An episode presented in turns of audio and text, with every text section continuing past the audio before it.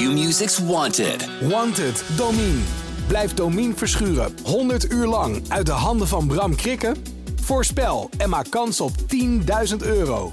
Volg het vanaf 13 mei bij Q-Music.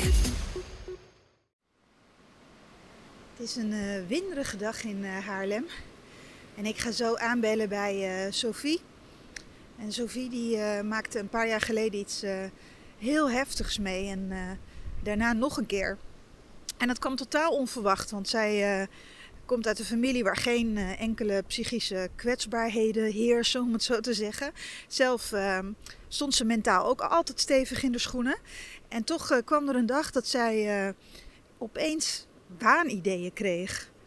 Um, eerder vertelde ze me dat ze bijvoorbeeld het gevoel had dat het stopcontact tegen haar lachte. En um, als zij ging wandelen voor de, uh, met de baby in de wandelwagen, kind wat zij net gekregen had, dan zag ze hoe alles in bloei stond en dan had ze het gevoel dat de natuur vierde dat haar kind geboren was. En elk uh, verkeerslicht sprong op groen als zij aankwam lopen met de wandelwagen. En dat gaf haar het gevoel dat uh, God een groene golf had geregeld voor haar en de baby. Um, ja, en waar dat dan nog wel positief klinkt, werd het daarna ook wel uh, zwarter. Daar gaat ze me over vertellen. Stel, je maakt iets mee. Iets wat je in films ziet, zo heftig. Maar je bent er nog. En hoe? Hey Eva. Hi. Dankjewel. Ik ben Eva Munnik en voor deze Flair-podcast zoek ik telkens een vrouw op met een bijzonder verhaal. Wat maakte ze mee? En vooral, hoe kwam ze er doorheen? Wat is haar geheim tot geluk? Dit is Eva Belt aan.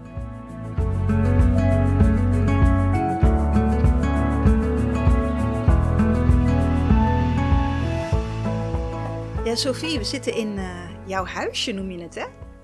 Ja, dit is mijn, uh, mijn praktijk, maar mijn, uh, mijn knussenhuisje, inderdaad. Ja. En wat voor praktijk heb je?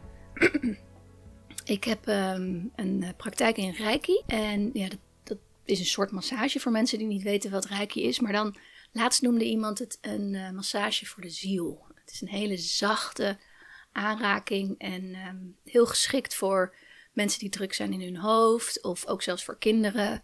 Dus een hele fijne manier om uh, met mensen te werken. Ja. En je hebt net een verkoudheidje gehad, dus je kucht af en toe een klein kuchje weg. Maar het gaat so far so good. Lekker kopje thee erbij. Ik ben heel blij dat jij uh, je verhaal mij uh, wil vertellen. En dat, uh, nou laten we beginnen bij, bij waar dit verhaal dan begon. toen je je eerste kind kreeg. Want je woont hier met je man en je twee kinderen inmiddels, hè? Ja, ja, dat klopt. Ik heb een zoon van uh, 13 en een zoon van 10. En inderdaad, toen mijn uh, zoon van 13 nu, uh, dus 13 jaar geleden, werd geboren, toen kreeg ik in de week na de bevalling een uh, kraambedpsychose. Uit het niets. Ja, dus dat duurde waarschijnlijk ook wel even voordat jij en anderen door hadden dat je dat had. Hoe, hoe begon dat? Was het, was het een roze wolk in het begin na de geboorte van je kind?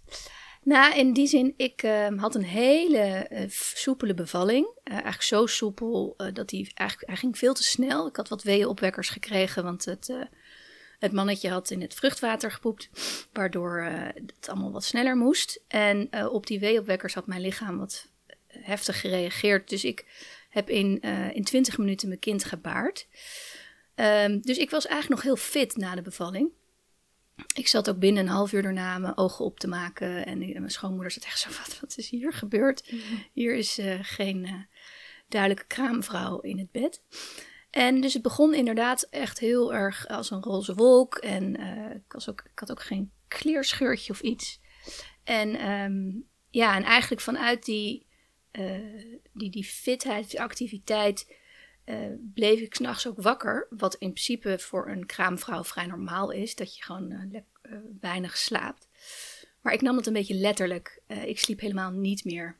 Ik voelde ook niet dat ik die nodig had. En ik dacht dat mijn man heeft meer slaap nodig dan ik. Ik slaap wel bij overdag. En zo kroop het er langzaam halverwege die week zo in dat ik in de nacht in één keer ook dacht: Oh, ik ga een boek schrijven. Want daar hebben Wacht even, je had net een paar dagen geleden een kind gekregen. Je Ja. had nog geen seconde geslapen. En toen besloot je s'nachts om een boek te schrijven. Ja, en ik vond dat toen heel normaal. Want ik dacht, hier hebben al heel veel vrouwen wat aan. Dus ik ging tijdens het borstvoeden ging ik schrijven. Eerst met links en dan met rechts. En, ja, en dit ging s'nachts gewoon helemaal zijn eigen leven leiden. En dat hadden de, mijn man en de kraamhulp gewoon echt nog niet door. En pas eigenlijk op dag zes werd duidelijk dat ik gewoon echt een beetje van het padje af aan het raken was. Toen had je zes dagen niet geslapen. Yes, ja. En Ja. hoe kwam, kwamen je man en de kraamverzorgende daarachter? Nou, mijn man, eh, de, de kraamhulp kwam erachter omdat ik eh, heel hyper was en heel veel haar het hemd van het lijf vroeg. Ehm, maar zij kende mij niet als persoon, dus zij dacht, oh, misschien zit Sofie altijd wel op haar praatstoel. Prima.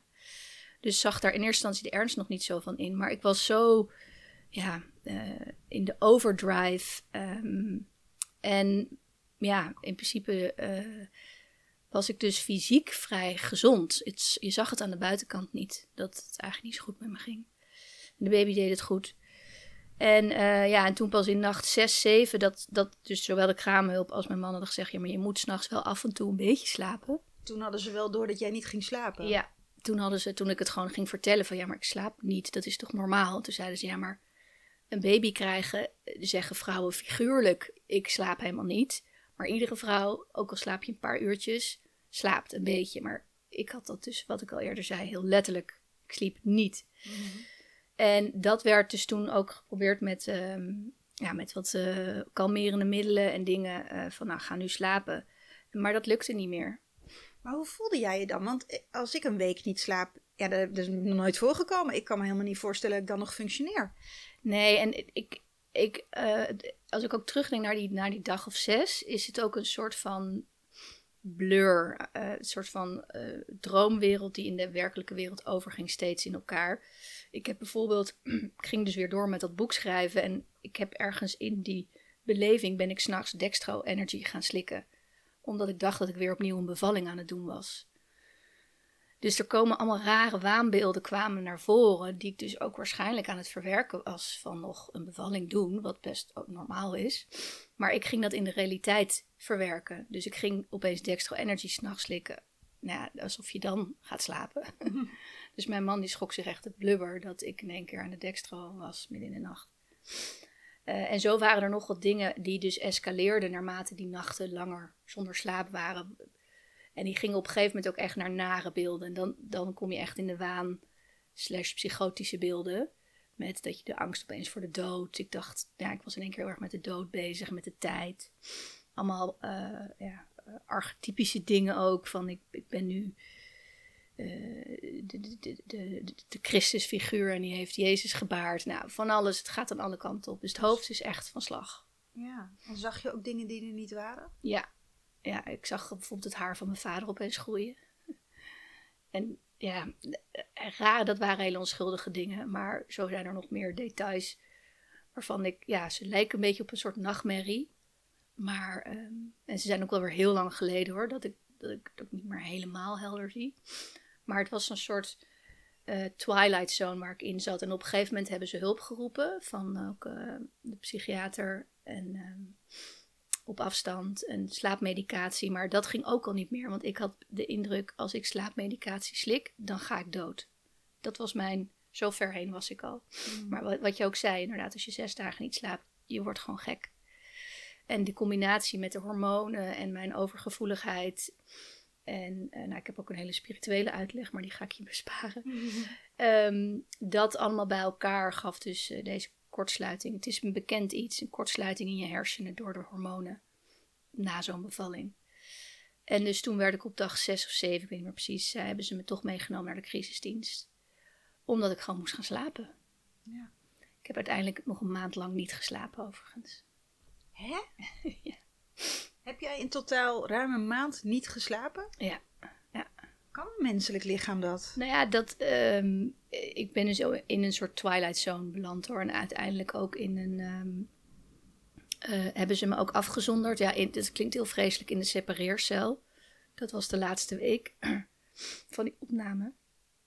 En, ehm, maar dat was voor mij in mijn geval echt om het prikkelvrij te maken. Want ik gebruikte ieder prikkeltje om ik was gewoon helemaal over, over de, ja, niet meer Hyper of te wakker.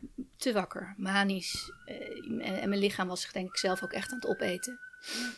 Is je kind aan het gillen in de Ja, tuin? Van de buren, want ik heb deze leeftijd niet meer. Gillen niet meer die van Nee. jou.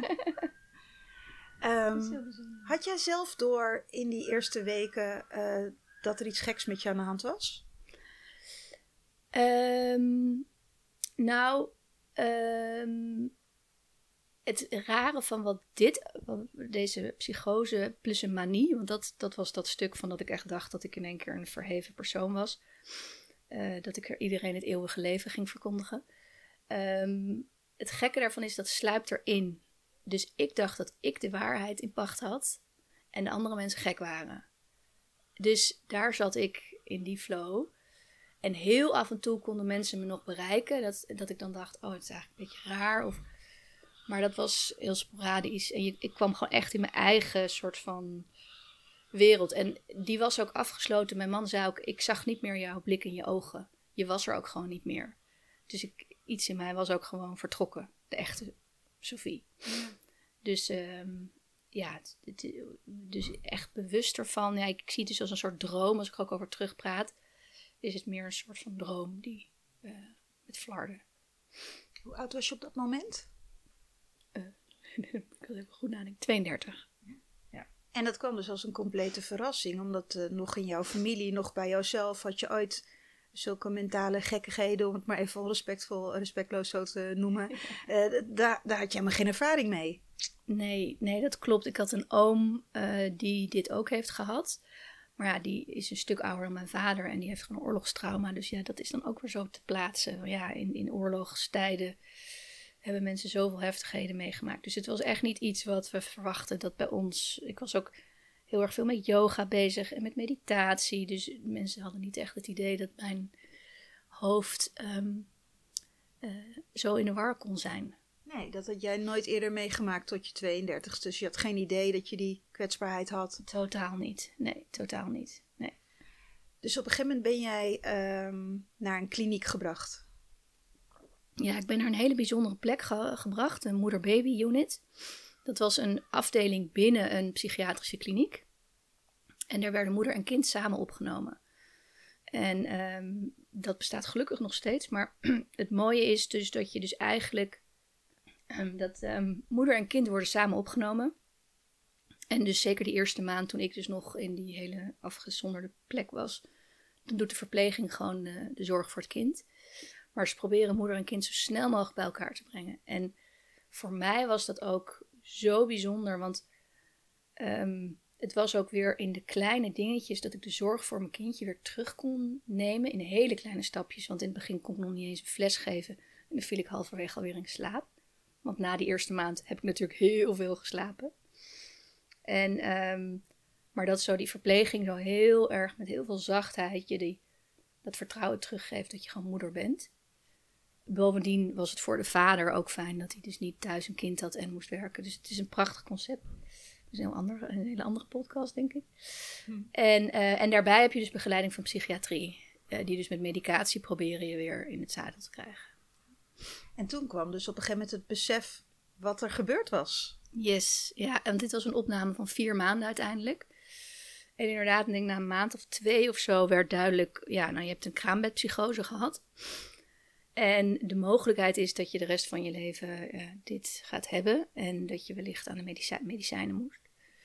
Nou was dat voor mij nog niet zo heel erg eh, vastgelegd, omdat ehm, het ook een incidenteel iets kon zijn. Dus dat, dat weet je Puur pas door die hormonen. ja, dat het gewoon puur alleen door de hormonen en de kwetsbaarheid en de gevoeligheid van de individu. Want ik, ben, ik reageer vrij gevoelig op van alles. En die combinatie vaak met een, eh, een perfectionistische karakterstructuur. Dat je graag je best wil doen en dus ook de, de zorg voor zo'n nieuwe baby en alles wat verandert is heel serieus neemt. Dat is natuurlijk ook logisch, maar iets te krampachtig. Ehm, dus dat had dus ik mocht ook nadat ik eh, uiteindelijk thuis was en hersteld, toen was ik in principe weer enigszins normaal. Pas als ik weer een tweede baby zou willen, dan moest ik heel bewust kijken naar de opties en, eh, en de kwetsbaarheid.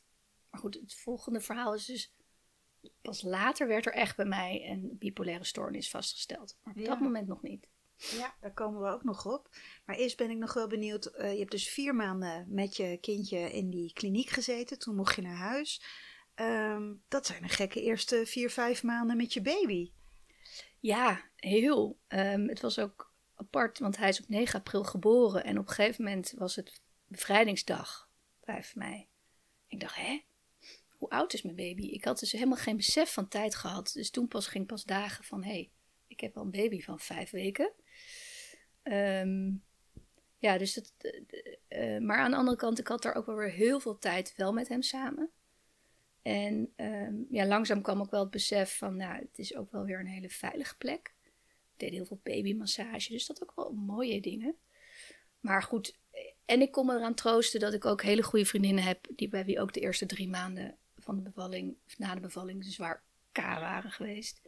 Dus dat die hele roze wolk is maar voor een enkeling. En dat, dat kon ik, daar kon ik me ook aan troosten. Ja.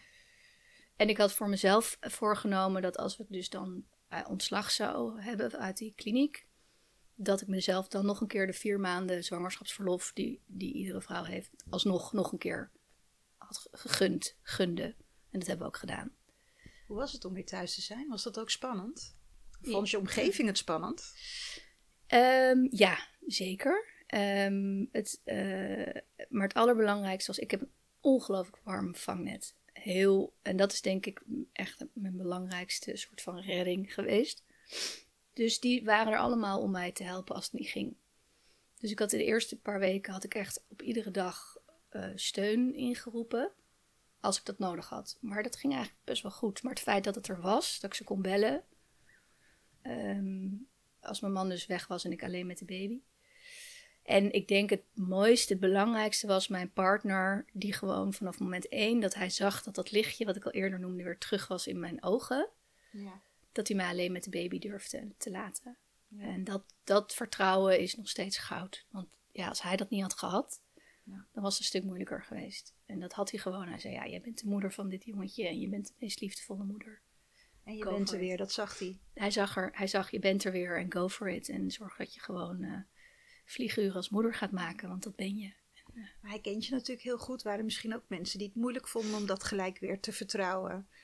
Die toch een beetje argwanend naar je keken van, is ze wel weer normaal? Is ze wel weer terug? Ja, ja, en dat was zeker. En dat heb ik ook een paar keer meegemaakt. En ik denk dat dan mijn empathische persoonlijkheid helpt.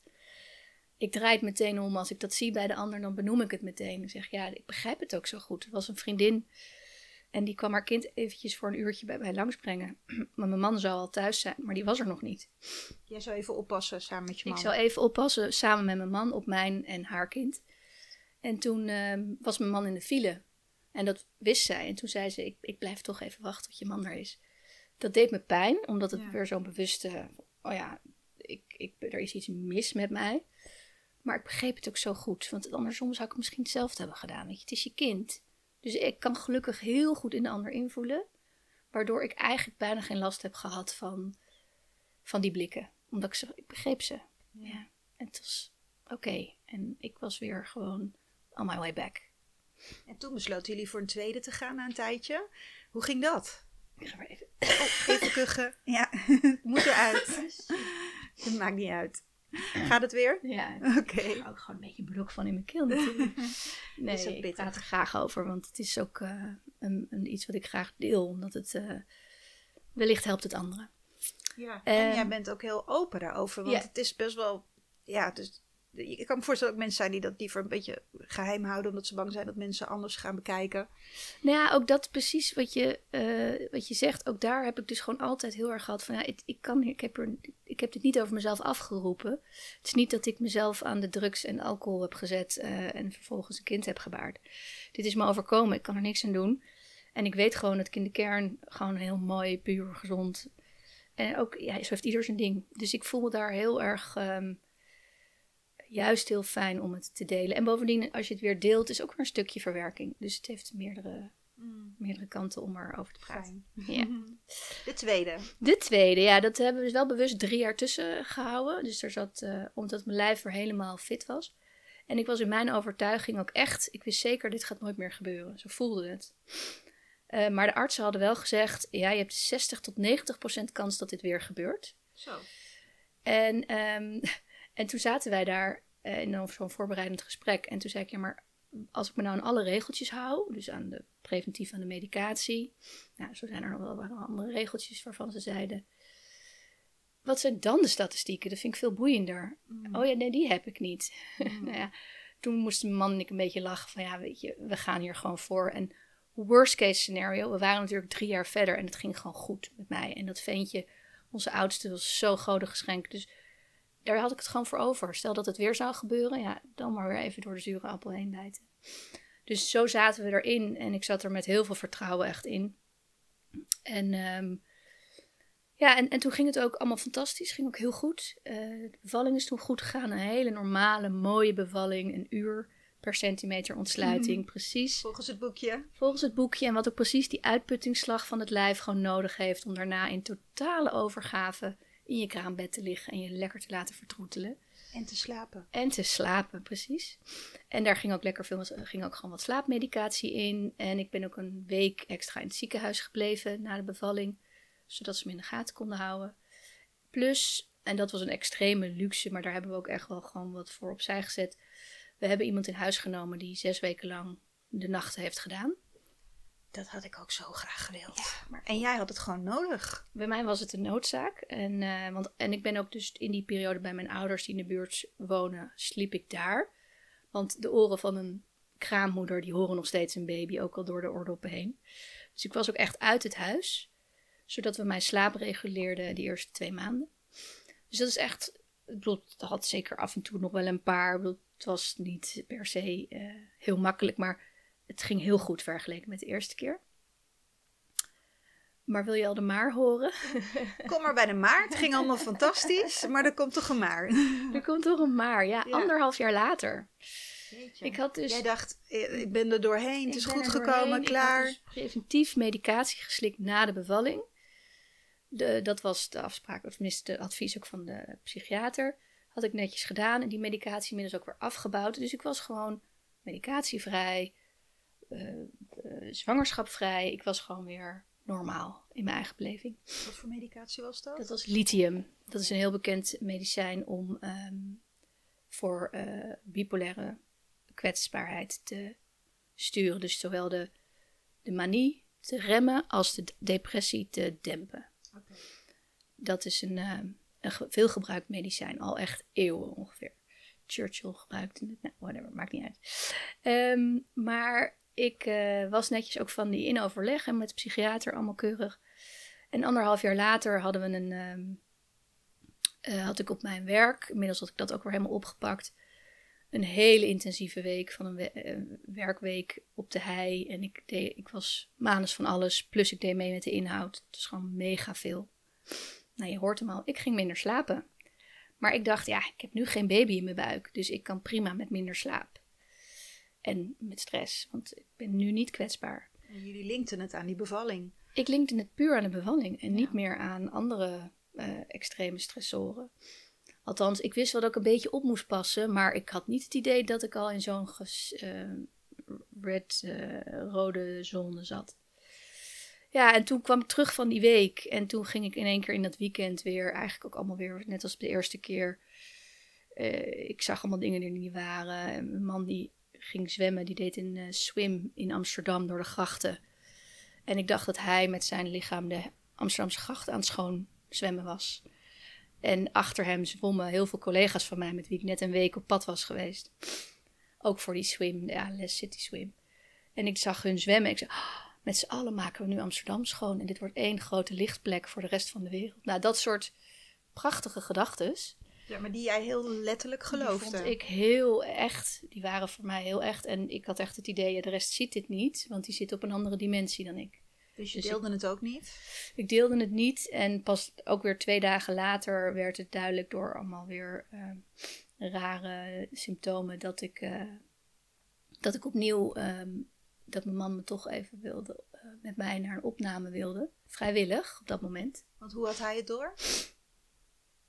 Ja, toch wat ik zei. En ook dat ik weer slecht ging slapen. En dat ik ging eh dolen s'nachts. En, maar gewoon de, de berichtjes die ik ging sturen. Wat voor berichtjes dan?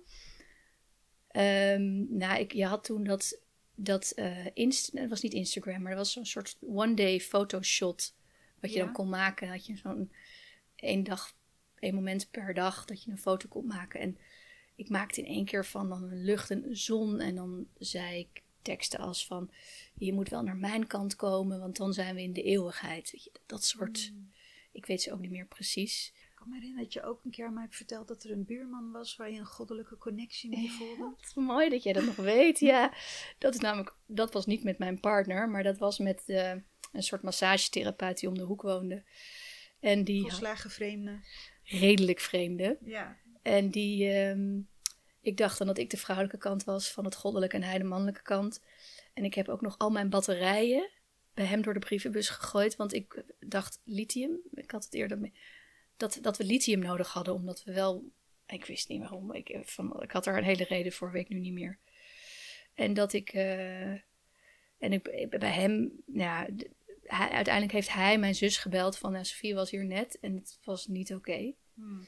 En ze was echt gewoon weer in een eh, psychotische fase. En we, we lachen er nu een beetje om. En ik kan het niet zo goed helpen, omdat het zulke ja, gekke ideeën zijn. Eh, is dat niet vervelend dat we er een beetje om grinniken? Nee, ik ben ook heel blij. Want ik heb zo met een paar dingen ook met een, met een pen met mijn man. Dat ik in de meest diep trieste momenten alleen maar horloges op mijn arm aan het tekenen was.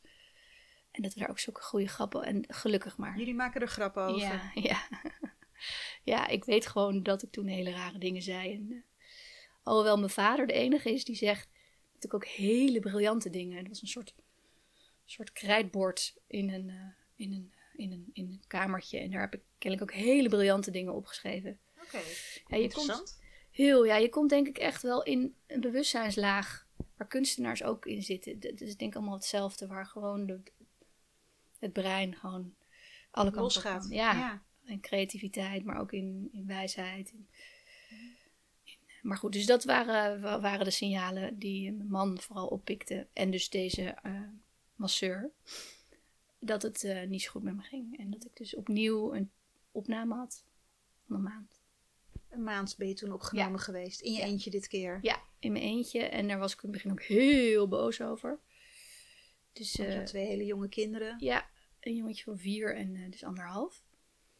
En dus ik was in eerste instantie daar vrijwillig naartoe gegaan, maar opeens klikte het in waar ik was. En toen, heel vaak wordt het net aan het begin van dit soort dingen even wat erger. Dus toen kwam er zoveel boosheid en eh, dat, was, wel, dat was echt ook niet leuk. Mijn partner die ik echt zes keer per dag terugstuurde en wegstuurde, omdat ik gewoon hem niet wilde zien. Maar die opname, daar weet ik eigenlijk niet zoveel van. Dat is ook echt zo'n blur. En ehm, het moeilijkste van die opname was eigenlijk, die was na een maand voorbij. En toen was ik thuis en toen na twee maanden, toen kwam er een depressie. Wat ook herkenbaar is in dit ziektebeeld, maar dat had ik de eerste keer niet gehad. En daardoor, eh, door die depressie, werd het ook duidelijk, ja, je hebt gewoon een bipolaire kwetsbaarheid, punt. En die depressie, die heeft van januari tot en met mei geduurd. Dat was in mijn eigen beleving de allerzwaarste periode van alles. Maar daar was ik bewust van. En die psychoses, ja, daar was mijn omgeving meer bewust, meer angstaanjagend voor mijn omgeving. Terwijl ehm, die depressie was echt. Daar was heel zelf heftig. bij. Ja. Ja, voor mensen die depressief eh, zijn geweest, die herkennen dat. Dat is echt eh, vreselijk. En toen kwam je er dus achter dat het niet puur door dat kraambed was gekomen de eerste keer, maar dat je een bipolaire kwetsbaarheid eh, hebt, zoals je dat noemt. Kun je uitleggen wat dat is? Ja, nou om het even duidelijk te maken, ik denk dat het dus door mijn bevalling is het getriggerd wat er al onderliggend gewoon wel in me zat. Ja, een bipolaire kwetsbaarheid, eh, het heet in het verleden ook wel manisch depressief. En dat zegt het ook al wel, die twee eh, assen. Dus ehm, eh, als je dus uit balans bent, in deze dermate uit balans bent, dan kan je dus of heel manisch, heel hyper worden, waarin je echt ehm, denkt dat je de wereld kan veroveren in je eentje en weet ik het. Energie voor tien, heel Energie druk. voor tien, heel druk, eh, heel druk hoofd. En dat kan dus ook weer doorschieten naar een psychose, maar dat hoeft niet. Dat was bij mij zo. Eh, maar inderdaad, boeken gaan schrijven tijdens een kraamweek, dat is heel manisch. Want ja, daar heb je helemaal de puff niet voor als normale kraamvrouw. Nee. Maar ook inderdaad denken dat je iets goddelijks bent. Ehm, wat we natuurlijk wel allemaal zijn. om dat even heel duidelijk te zin, hebben. Ja. Maar op dat moment de uiting daarvan is dan uit balans. En ehm, eh, de, uh, de onderas, die je dus dan ook aan kan tikken, vaak volgend op zo'n manie, is dan dus een depressieve as. Dus dan zak je helemaal naar beneden in de somberheid. Dus het lukt je dan niet, in mijn geval mij dus niet, om in het midden te blijven waar een gezond persoon over het algemeen zit. En, um, nou, en dat is ook de reden dat ik dus medicatie slik omdat ze mij dus helpen bij dat midden te blijven. Ze houden dus de bandbreedte een beetje voor je. Die bewaken ze, de medicatie. En is dat gebruikelijk dat je daar pas in je dertige jaren achter komt? Zoveel weet ik er eigenlijk niet eens van, omdat ik er inderdaad... Maar jij had nooit eerder door dat jij kwetsbaar was? Nou, ik in, in dat opzicht gevoelig was. En ik ben ook ooit met werk, ik werd wel altijd... Ik, ik heb nooit een burn-out gehad, maar ik ben wel vrij overspannen ergens ooit weggegaan. Dus ik heb wel gevoelige tentakels. Maar ik ben altijd een heel opgewekt persoon. dan zegt mijn moeder wel, ja, je was altijd Jantje huilt, Jantje lacht. Maar dat is een baby ook. In principe is een baby ook gewoon heel druk en heel, heel boos zijn. Ja, één moment je, hyper en dan ja. diep in slaap. Maar de grap is dat je weer terug uitkomt in het midden. Ja. Um, en ja, ik, ik eh, had dat nooit eerder gezien. Dus dat is gewoon getriggerd uh, bij die bevalling. Maar jij hebt jezelf dus beter leren kennen. Dat heeft je vast ook wat gebracht. Ja, zeker. Zeker, zeker. Um, de eerste keer dat het gebeurde, uh, heeft bij ons vooral heel veel dankbaarheid voor het leven. En ook vertrouwen op mijn intuïtie en, en uh, dat soort dingen. De, de, de, mooie eigenschappen van dankbaarheid uh, gebracht. Um, waar het in het leven echt om gaat. De tweede keer dat het misging, hebben mij wel echt gebracht op pad waar ik heel gelukkig ben qua uh, wat ik doe. Uh, ja, naast moeder zijn of natuurlijk en vrouw zijn. Qua werk bedoel je? Ja, qua werk, ja. Wat vertelde is het over? Ik, um, nou wat ik al aan het begin zei, ik heb een reiki-praktijk. Dus ik, um, ik geef uh, reiki-behandelingen. En um, ik moet nu eigenlijk denken aan een klein zijspoor dat niet antwoord geeft op je vraag, maar wel een mooi verhaaltje is. Um, mijn schoonmoeder gaf mij heel veel reiki tijdens mijn psychose. Dus toen ik nog heel ziek was. En um, op een gegeven moment heeft ze mij een behandeling gegeven. En na die behandelingen, na die behandeling, zag mijn man opeens weer het licht in mijn ogen. En ik voelde ook echt dat ik door die reiki-behandeling weer voet aan de grond kreeg. Echt alsof mijn energie weer in mijn lichaam zakte. Mm dat ik weer voet aan de grond kreeg. En toen ik dus helemaal aan het opkrabbelen was, zeker ook die tweede keer, toen was zoiets van ja, wat ga ik nou doen? En mijn man die vond alles wat heel spiritueel is gewoon een beetje spannend, omdat je dan weer een beetje weg kan zweven. En daar moet ik juist bij wegblijven. Ik moet geaarde dingen doen. Dus hij had liever misschien gewild dat ik, uh, weet ik veel, putjeschepper was geworden. Want mijn oude werk, ik zat in de HR, in het bedrijfsleven, dat ging ik sowieso niet meer doen. Te veel prikkels. ja. te veel prikkels. Maar ja, ehm, wat dan? En ik heb wel altijd een spiritueel lijntje gehad. Ik heb wat met het universum en, uh, ja, en moeder aarde. Dat is misschien ook niet alleen maar slecht. Dat is zeker niet slecht. En, ehm, maar ja, wat, wat ga ik dan doen? En toen opeens dacht ik, ja, Reiki. Want mijn man is grootgebracht met Reiki door zijn moeder. Dus dat was veilig. Dus zo ben ik begonnen met Reiki en dat paste me ook echt heel erg goed. Maar dat is wel ontstaan doordat ik dacht, oké, nou die route die is in ieder geval veilig. En um, dus, dus zo is dit ontstaan en um, geef ik nu met heel veel liefde heel veel Reiki. En um, het mooie is dat ik sinds het afgelopen jaar ook daar nog iets aan toe heb gevoegd. Ik organiseer nu ecstatic dances. Dat verwacht niemand van mij, want ik als je mij op de sportschool ziet of uh, weet ik veel, als ik lekker even actief ben, dan staat er keiharde house op mijn oren. Dat is een schil contrast met de zen van dit kamertje waar we nu zijn. En juist die, die normaal die rust en die zen en die rijkje die zo bij me past. Um, die uh, house muziek voelt ook ongelooflijk goed.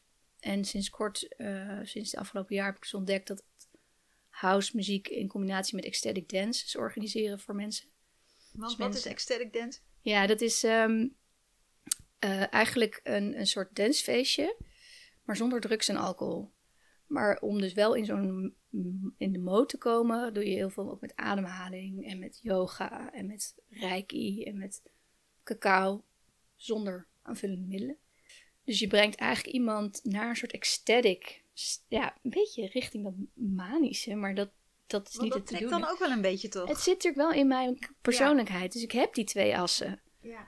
En uh, juist maar dan heel gecontroleerd. En we brengen de mensen ook weer helemaal terug. Dus nadat je helemaal lekker uit je dak bent gegaan op super fijne, echt lekkere muziek. Zonder dat je dan meteen weer naar de kloten bent van de alcohol en de pillen. En dan kom je daarna ook weer een hele rustige, zachte uh, manier terug met aan het einde eindontspanning. Dus het is maar echt een hele uitgebreide yogales, maar dan met veel meer toeters en bellen. Echt een reis die iemand maakt, een journey. En nu dat er ook bij zit, voelt het wel als meer compleet bij, bij wie ik ben. Want alleen in mijn reiki-praktijkje was soms ook wel een beetje alleen. Ja. Dus met dat is ook wel weer het samen zijn met mensen. Uh, dus dat is ook aan het ontstaan. Ja, dat was allemaal niet ontstaan als ik niet dit pad had gekozen. Dus het heeft me heel veel gebracht uiteindelijk. Ja. Dus door te ontdekken waar je eigen mentale kwetsbaarheid uh, ligt, Ehm, ben je nu ook gekomen op een punt waar je anderen helpt met misschien hun mentale kwetsbaarheid. Of om gewoon blijer en gelukkiger te worden. Ehm, maar daarvoor moet je wel ook wel heel open zijn over jezelf. En je bent nu ook heel open over jezelf. Maar ehm, heb je niet ook wel last gehad van, van blikken of uh, gefluister? Of wat mensen zullen toch geweten hebben wat er gebeurd uh, is? Ja, nou ja, ik heb gelukkig nooit zo heel veel last van blikken. ik, omdat ze er niet zijn of omdat je ze niet ziet? Omdat ik, uh, denk ik, wat ik eerder ook al zei, ik verplaats me zo makkelijk in de ander, dat ik begrijp waar die blik van de ander vandaan komt. En dat ik dus eigenlijk weet, die heeft niks met mij te maken. Maar met iets wat de ander tekort komt of wat hij heeft gemist. Of het voorbeeld die hij heeft gehad van zijn eigen ouders of iets. Dus dan kan ik gewoon vrij makkelijk uh, en ik, ik ben vrij spontaan en open. Als je moet van goede huizen komen, wil je met mij een irritatie of een. Ik, ik zie dat ook gewoon. Ik, ik zie ook dat ook vaak gewoon niet. Dus, je hebt er geen last van? Nee. Ik, en ik, ik denk ook wel dat het iets is wat ik echt wel probeer te doen. Ook, uh, ja, ook niet over andere oordelen. Dan oordelen ze ook niet over jou. En omdat ik inderdaad, misschien is dat het al zo al tien jaar geleden en daarvoor ook al wel zo heb gemerkt, als je gewoon het gesprek met iemand aangaat, dan zie je dan iemand eigenlijk ook zo open en blij, net zoals jij. En dan zit er helemaal geen blik. Die blik die, die zegt heel iets anders dan wat er echt zit. Hmm. En ik denk dat ik vrij makkelijk dat wat er echt zit sowieso al zie bij iemand, maar ook nog eens eruit kan krijgen. Dus dan heb ik er eigenlijk niet zoveel last van. Dus. Dankjewel. Ik vind je verhaal uh, heel mooi. En ik ben blij dat je het uh, aan mij hebt willen vertellen. Nou, ik heb het heel graag verteld. Dankjewel voor de open manier van zo kunnen delen. Dankjewel.